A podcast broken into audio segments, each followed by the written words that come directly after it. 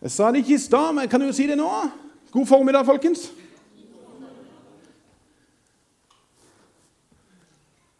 Dere ser veldig bra ut, det må jeg bare si. Det Jo, takk.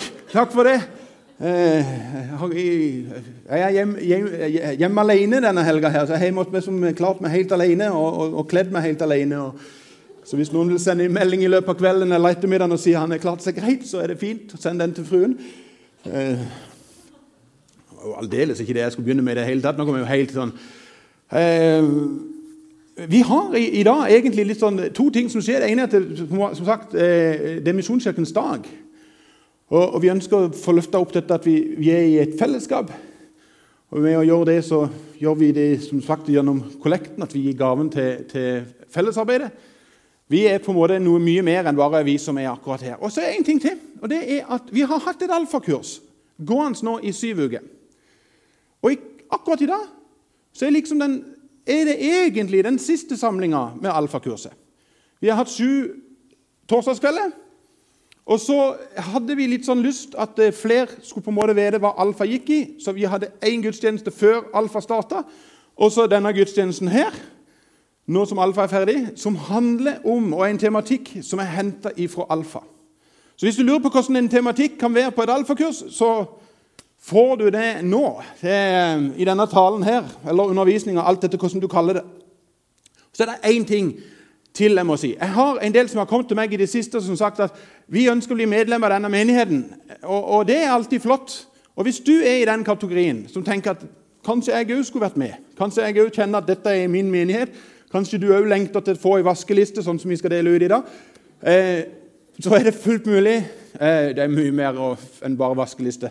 Eh, masse flott med å være med som medlem. Så Hukk tak i meg etterpå, så, så, eh, så, kan vi ta en prat om det.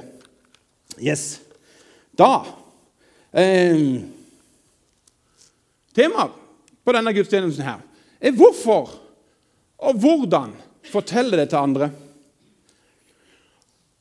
En av de tingene, Før jeg ble en kristen, var en av de tingene som jeg irriterte meg veldig over. Og jeg mener Da irriterte jeg meg. Det var sånn at jeg, jeg kunne bli riggende irritert. Det var på folk som var kristne, som av en eller annen grunn absolutt måtte snakke om det. Jeg tenkte det er jo greit at du er så dum at du tror på det, men du kan jo holde munn. Du trenger jo ikke på en måte å gå så rege det ut av deg i tillegg. Altså, jeg, jeg, kjente Hver gang de skjedde, så var det litt sånn åh, Kan ikke det der med den troa di bli en sånn privatsak? Og så og så husker Jeg det var noen, jeg tenkte med meg at det, det var ei som jeg på en måte, eller jeg hørte noen som fortalte om om en som var veldig fin kristen, som aldri snakket om det. Etter jeg ble en kristen, så har jeg tenkt litt sånn Hvis vedkommende aldri snakket om det, åssen visste noen at vedkommende var kristen? Og åssen fikk vedkommende kjennskap til Jesus hvis ingen sa noen ting. Hovedgrunnen og Jeg skal ikke bruke mye tid på hvorfor vi gjør det, men hovedgrunnen for at vi snakker mye om, om dette her, om å dele tro, det er dette her, at Jesus han sa det igjen og igjen. Jesus var kjempeopptatt av det. Han gikk til folk og sa 'gå til de bortkomne sauene'. Altså, jeg skjønner at det er noen av dere som sliter med det å bli sammenlignet med en sau.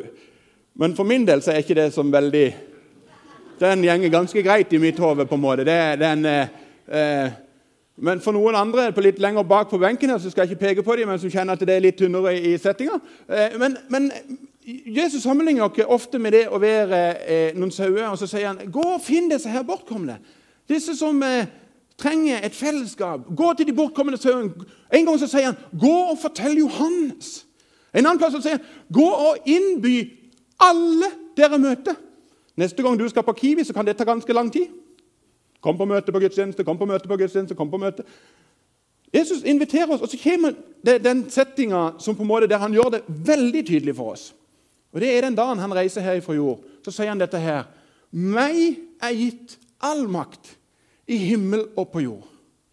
Gå derfor ut og gjør alle folkeslag til disipler, idet dere døper dem til Faderens, Sønnens og Den hellige ånds navn, og lærer dem å holde alt det jeg har befalt dere. Og se, jeg er med dere alle dager inntil verdens ende. Gå ut til hver eneste en og gjør de til mine disipler. Faktum er jo dette her at mennesker har behov for å høre. Jeg har sagt det tidligere, alle har vi en eller annen sånn lengsel inni oss om at er det et eller annet mer, noe mer som kan på en måte fylle mitt liv. Altså Litt som det er når noen av dere Jeg driver jo ikke mye med dette, her, men noen driver med å, springe sånn lange turer innimellom, og så syns de det er gøy å jogge. Og Når du er ferdig med sånn en joggetur, så er det bare én ting du ønsker, det er å drikke noe vann. Drikke noe væske. Den der lengselen der kommer Jesus og sier en dette her. Jeg er kommet for å gi dere liv i overflod. Så Gud befaler oss Gud å dele det. Og folk trenger virkelig å få hørt dette her.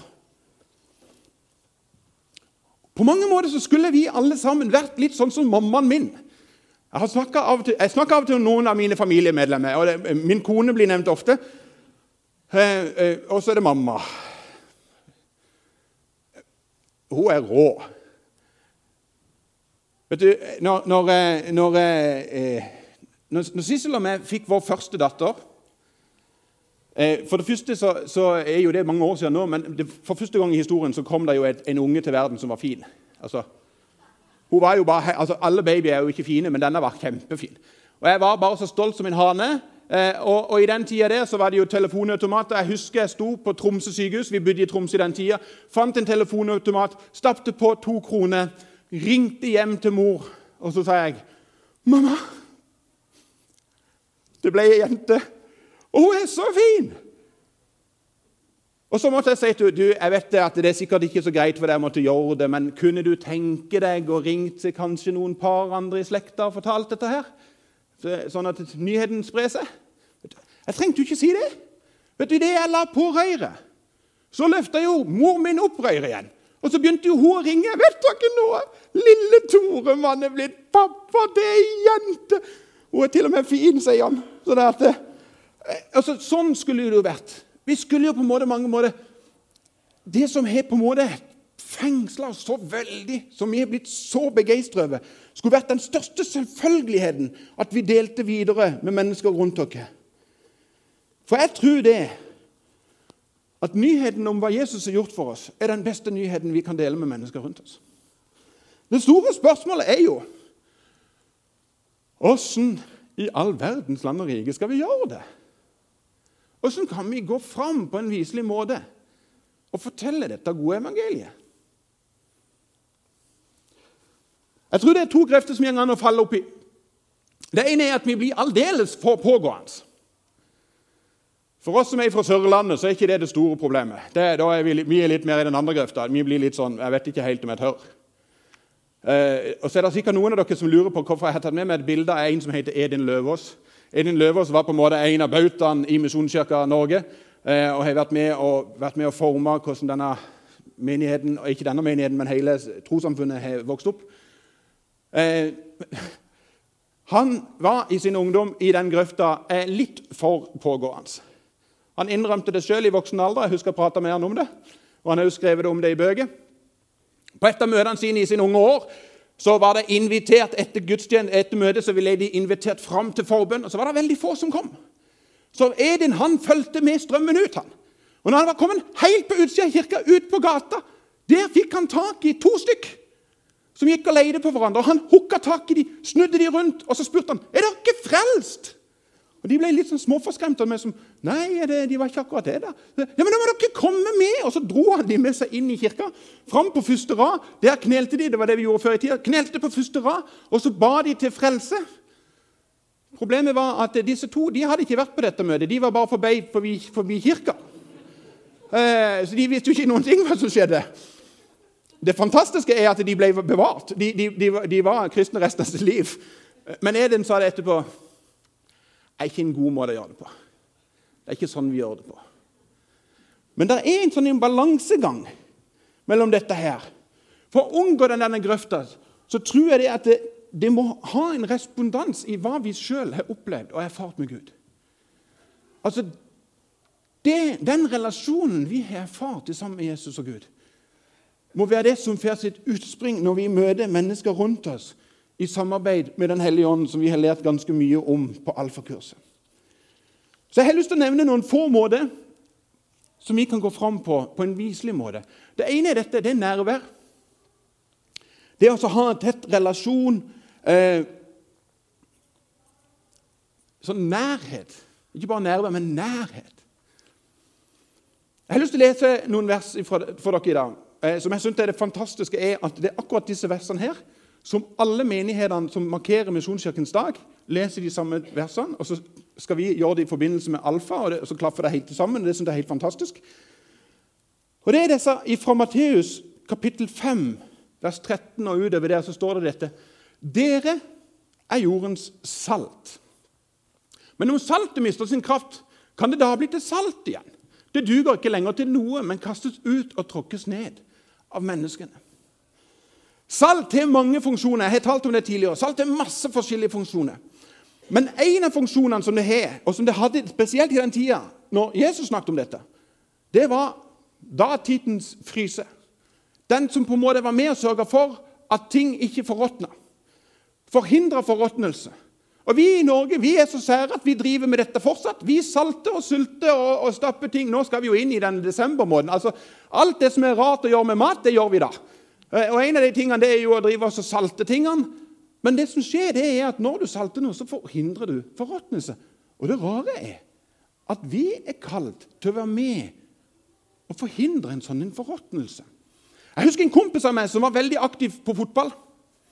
Og Han spilte på en av de litt bedre lagene her på Sørlandet. Så kom den tida at han eh, ikke var god nok lenger, og han fant ut at han ville stoppe. Så han slutta i fotballaget.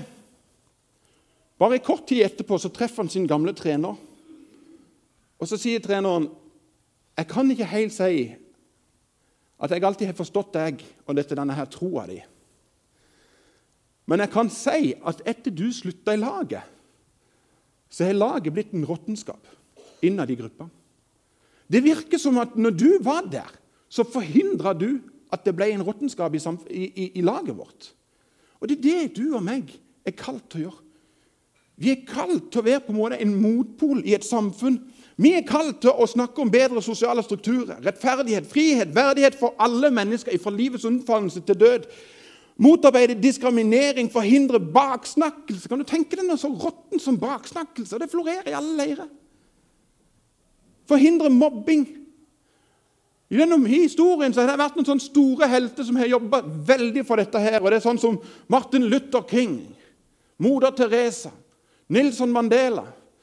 Og Når jeg leser de navnene der, så tenker jeg Og så kom jeg inn her, Ekoplass. Altså, De blir så svære. Altså, Hvem er jeg i sånn en liten Hvordan kan jeg være med og være salt på min enkle Altså, Jeg er jo ikke noe sånn Nelson Mandela-type. Og Så kan en tenke at jeg fikser ikke hele den greia der. Det er en beretning som jeg har tatt til meg, som jeg hørte for mange år siden. Det fortelles om en svær storm som var borte med Mexico. Dagen etter, etter nattens storm så var det skylt i land tusenvis på tusenvis av sjøstjerner på stranda. Og Ut på den stranda så gikk det en liten gutt. Plukka opp ei sjøstjerne, sprang ut i vannet, heiv den uti. Gikk inn på stranda igjen, plukka opp ei sjøstjerne, sprang ut, heiv den ut i vannet. Da kom det gående en eldre herremann som så dette her. Og han syntes det så latterlig ut. Altså Der lå det tusenvis på tusenvis. Så Han gikk bort til denne lille gutten og så sa han, du, vet du noe? Det du holder på med, det er nyttesløst. Det hjelper jo ingenting. Se der rundt. Hva hjelper det om du driver og løfter ut ei sjøstjerne? Da plukket gutten opp ei sjøstjerne til, gikk ut i vannet, la den forsiktig uti, og så kikket han på den gamle mannen og så sa han, for denne så betyr det alt. Det er ikke sikkert at vi skal på en måte være de som er salt for en hel nasjon eller en verdensdel, men for den ene som du kan være med og stå opp for, så vil det kunne bety alt. Videre i dette her med verset her, så stender det dette Dere er verdens lys. En by som ligger på et fjell, kan ikke skjules.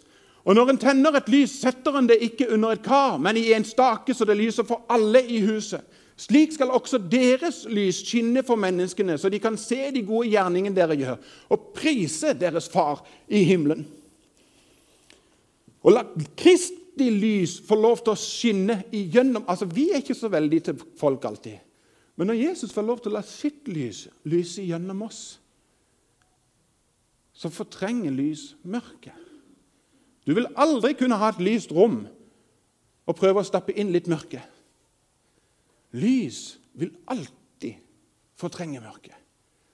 Og vi er kalt til å være sånne noen lysbærere som sprer godhet og kjærlighet til de menneskene som vi møter, sånn at de blir berørt av den samme kjærligheten som det vi blir berørt av.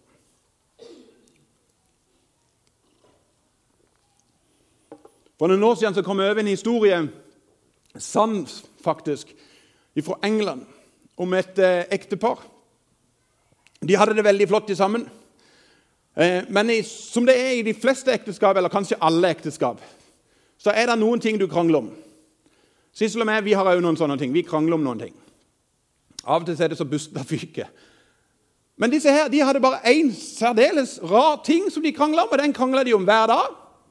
Og det var om hvem som skulle gå ut med søpla. Ingen av de kunne få dra den oppgaven. så Hver dag så var det litt sånn 'Ja, men jeg gjorde det i går.' 'Nei, det gjorde du ikke. Det var i forgårs du gjorde det.' Plutselig en dag så kommer denne mannen inn på en, et, en møte. Og På det møtet så møter han Jesus. Gi livet sitt til Jesus.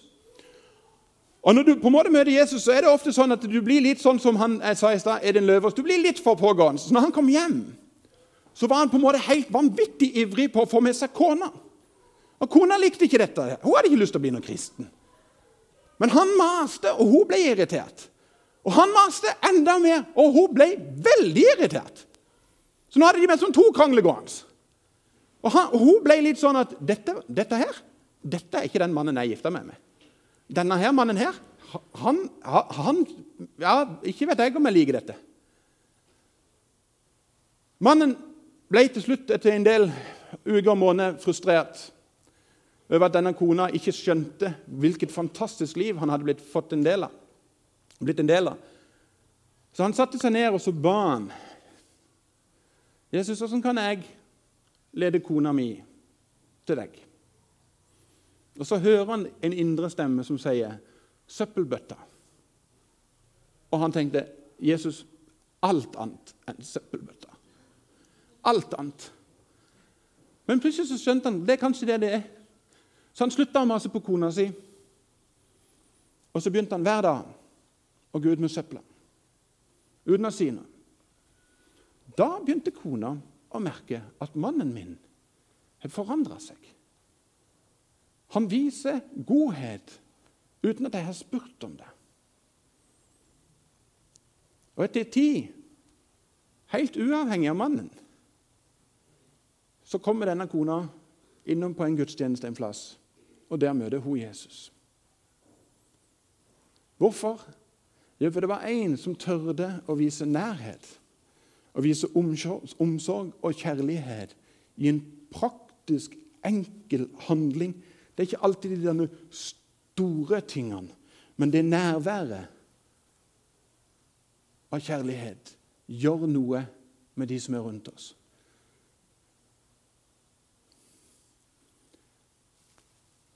Ofte så får vi mange spørsmål, vi som er kristne. Jeg gjør iallfall. Som pastor så får jeg veldig mange spørsmål. Er det sånn, er det sånn, er det sånn? er Det sånn? Og det, det bringer ikke videre inn på det neste. Det med å overbevise. Må overbevise. Vi kan vise nærhet, men vi kan òg overbevise mennesker. For en del år siden så, så eh, drev jeg og trente på et eh, treningsstudie, helsestudio i Lyngdal. Believe it or not. Eh, og Grunnen til at jeg gjorde det, var at jeg var blitt overbevist. Fordi at jeg hadde noe feil med den ene skuldra, så jeg sto og trente med sånn halv kilos vekte Og Det ser veldig smart ut vet du. når du står på siden av disse her som er knødd av muskler som løfter på sånn 15-20 kilos saker, og jeg sto der med halv kilo. Eh, og Grunnen til at jeg sto der framfor en speiler og løfta på en halv kilos vekte, var fordi at det var noen som hadde overbevist meg om at dette var lurt å gjøre. De hadde ikke pressa meg til det men de overbeviste meg om å gjøre det. Og I, i 2. Korinterne 5,11 så står det fordi vi kjenner æresfrykt for Herren, prøver vi å overbevise mennesket. Det er stor forskjell på det å presse noen. Jeg har truffet noen sånne kristne, spesielt når jeg ikke var en kristen sjøl, som hadde så veldig lyst til å presse på meg Jesus. Jeg tenkte kutt ut. Men vi kan overbevise mennesker om å gjøre eh, om å se litt på dette hva, hva tro er for noe. Paulus sier dette. Tre sabbater, eller Fra Apostlenes gjerninger 17, vers 2-4 så stender det På tre sabbater på rad talte han med dem ut fra Skriften. Han tolket dem og forklarte at Messias måtte lide og stå opp fra de døde, og sa, 'Det er Jesus, han jeg forkynner for dere, som er Messias.' Noen av dem ble overbevist og sluttet seg til Paulus og Silas. Det gjorde også en stor gruppe grekere og av dem som trodde på jødenes gud, og en god del fornemme kvinner. Noen av dem ble overbevist. Noen sier av og til Tore, du kan jo ikke overbevise noen, for dette, det er jo bare blind tro, det dere holder på med. Det er ikke blind tro. Hvis du hadde vært med på et alfakurs, så ville du sett at det ligger utrolig mye bevismateriell til stede for den tro vi har. Noen ting tror vi blindt, men det er et fundament der som det går an å snakke om. Og Hvis du er den litt sånn typen som tør å jobbe litt med det intellektuelle, så kan en lære en del ting og være med å overbevise mennesker. Av og til kan du lese noen bøker, bøker som f.eks. 'Gode svar på aktuelle spørsmål', en bok som har kommet ut av alfasettinga. Som tar opp noen av disse herne vanskelige spørsmålene man er litt sånn Hva med andre religioner, da? Åssen kan Gud helt seriøst, hvordan kan Gud tillate så mye vondt, vondt i verden og fortsatt si at han er en god Gud? Det er store spørsmål. Og Hvis en vet noen svar på dette, så kan en av og til få lov til å være med og overbevise mennesker rundt oss.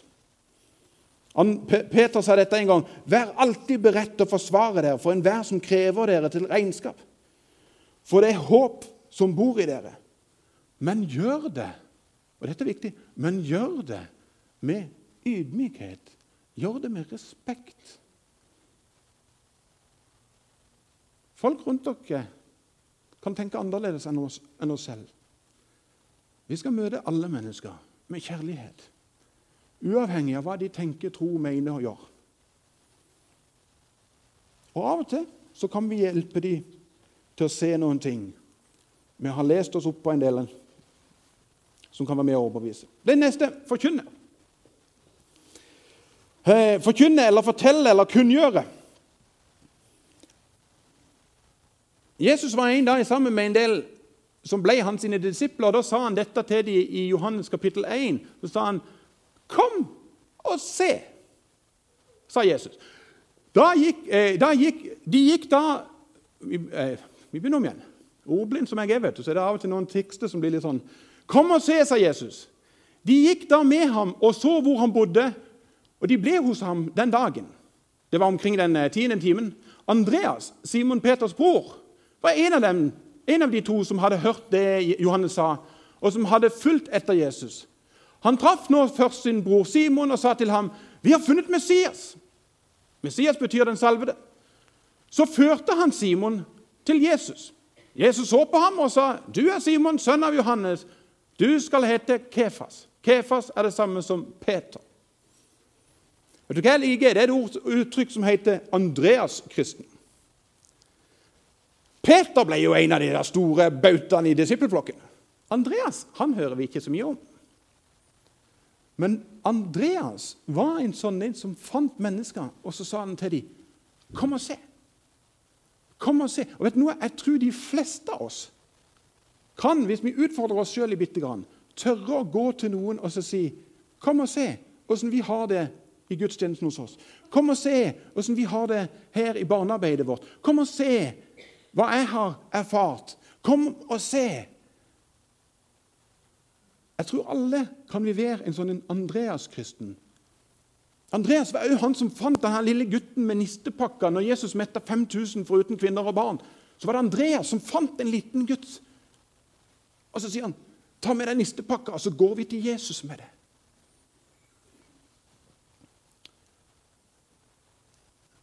Tidlig i 1930-årene, tror jeg det var, så var det en kar som heter Albert McMcCain borti USA. Uniten, you know. Over there. Albert McMcCain var en bonde. Og Han hadde møtt Jesus. og Han fikk en sånn en stor trang til å få med seg ungdom på teltmøtet som de hadde. Og Han inviterte med seg folk, og han hadde en ganske sånn stor laste, eh, lastebil. Så han fikk ungdommene til å sitte på lasteplaner, og så kjørte han de til gudstjeneste. Så var det spesielt én veldig kjekk ung gutt som hadde veldig lyst til å prøve å få med seg. Men han unge gutten ville ikke ha noe med dette å gjøre. Men Albert McMacCain var en glup fyr. I tillegg til å si 'kom og se', så sa han 'Har du lyst til å kjøre lastebilen?' Det syntes han den unge gutten hørtes gøy ut. Så han ble med til gudstjenesten til dette teltmøtet med å kjøre lastebilen. Men når de kom fram, så ble han ikke med inn. Han ble sittende i lastebilen og vente, men det møtet det varte jo i det evige. Og det lange og det vide og det breie. Til slutt så ble han lei av å vente, gikk ut av lastebilen, kom inn på dette møtet. Og der inne så opplever han en atmosfære som berører han på dypet av hans hjerte. Og den dagen så bøyer han sine kne for Jesus. Albert McMcCain er det få som husker. Det er få som har skrevet bøker om han. Men Billy Graham var den unge mannen som Albert McMcCain leder. Billy Graham har kanskje vært 1900-tallets eh, største forkynner og evangelist. Han har talt for ufattelig mange tusen mennesker. Det er ikke mange av oss som kan være Billy Graham. Men de fleste av oss kan være en Albert McMcCain eller en Andreas-kristen og dele trua vår på den måten der. Jeg pleier ofte å si det sånn at når du gjør det, så vær personlig. Vær personlig. Kan jeg være med, ta dere med dere til badeland eller til, denne, til det treningsstudioet som jeg var på? Når jeg sto der med mine halvkilos vekter og følte meg kjempelur så, så er ikke lille Lyngdal, som jeg kom ifra, så større enn at veldig mange visste at jeg jobba som ungdomspastor. Og mens jeg står der så kom jeg plutselig i kontakt med ei som òg trener. Og så Plutselig så kikker hun på meg, og så eh, sier hun noe sånt som dette her. Åssen kjenner du Jesus? Åssen ble du kjent med han? Da var jeg veldig glad for at det var noen som hadde lært meg noe som er apostlenes gjerninger. Du må gå hjem og lese det. Apostlenes gjerninger, kapittel 26. Der stender det en sånn liten, enkel oppskrift Snakk litt om hvordan livet var. Snakk om hvordan du møtte Jesus, og hvordan livet sammen med Jesus er. Så i løpet av en fire-fem minutters samtale så får jeg lov til å fortelle henne hvordan jeg møter Jesus. Hvordan mitt liv har blitt totalt forvandla gjennom møtet med Jesus. Og hvordan mitt liv er i dag. Vet du hva jeg skulle ønske meg? Mange av dere som er her inne, vet jeg og kjenner, jeg har vært kristen i mange mange år. Jeg skulle virkelig ønske at dere blåste støv av det vi kaller for vitnesbyrdet vårt. Støv av historien om åssen du møtte Jesus. For det er ingenting som griper meg så mye som å høre åssen andre mennesker møtte den samme Herre og Frelse som det jeg møtte. Vi kan gjøre det på en enkel og god måte. Sørg for at alltid Jesus får lov til å være i sentrum for den samtalen. Og Den siste tingen, som egentlig burde vært det første, er bønn. Jeg pleier av og til å si det sånn Be til Jesus i forhold til et menneske før du prater med det mennesket om Jesus. I bønnens verden så kan vi være med og forberede en del ting hos mennesker. Be om velsignelse over våre vennskap, våre venner og om klokskap og frimodighet for oss sjøl. Vet du hva jeg pleier å si? Hvis ikke du har det allerede, lag deg ei VIP-liste. Ei VIP-liste, dvs. Si ei liste med de tre, fire, fem personene som du ønsker aller mest på jord, skulle få lov til å treffe din Herre og Frelser. Og jeg tror uten unntak alle jeg har møtt, meg sjøl inkludert, etter de har blitt en kristen, så sier de jeg skjønner etterpå at det er noen som har bedt for meg. For min del så var det kona mi som var visste det at hvis ikke denne mannen her møter Jesus, så går det aldri. Og så ba hun. Etter jeg ble en kristen, så lagde vi en sånn vippeliste. En del venner av meg. Vi hadde fire-fem navn alle sammen. Møttes regelmessig til bønn. Ba helt konkret om at disse menneskene måtte få lov til å møte Jesus. I løpet av noen få år så satt nesten samtlige av disse folkene som vi hadde på bønnelista, de satt i den samme sirkelen og ba igjen for sine venner. Det er ingenting som gjør så mye med deg som å se at dine venner møter Jesus. Så når vi formidler det, når vi deler det ut, så be først, for det er makt i de foldede hender som vi synger i sangen. Oppsummert så blir det sånn Gi aldri opp. Evangeliet er en Guds kraft til frelse for alle som tror. Jeg skal avslutte med en eh, liten historie. Lovsangtimen kan komme fram.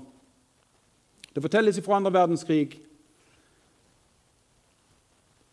at det var en soldat som lå såra. Han hukte tak i en av sine soldatkompiser, og så sier han, 'Her er et navn. Du må finne denne personen og fortelle vedkommende at det han lærte meg på søndagsskolen, er det viktigste jeg har akkurat nå. Krigen ble ferdig. Soldaten som overlevde, klarte til slutt å spore opp denne eldre herremannen. Ringte på døra og forteller historiene om hva som ble sådd inn i et barnehjerte, hvordan det fikk betydning på det siste stund i dette, denne guttens liv. Da begynte tårene å trille på den eldre herremannen, og så sa han jeg ga opp for lenge siden med å være søndagsskolelærer. Jeg følte ikke det nytta. Folkens, det nytter alltid. Det nytter alltid å dele evangeliet. Det nytter alltid å peke på Jesus. Du og meg vi kan få være med oss vanne og så, som vi pleier å si. Og vi vet aldri når Gud gir vekst.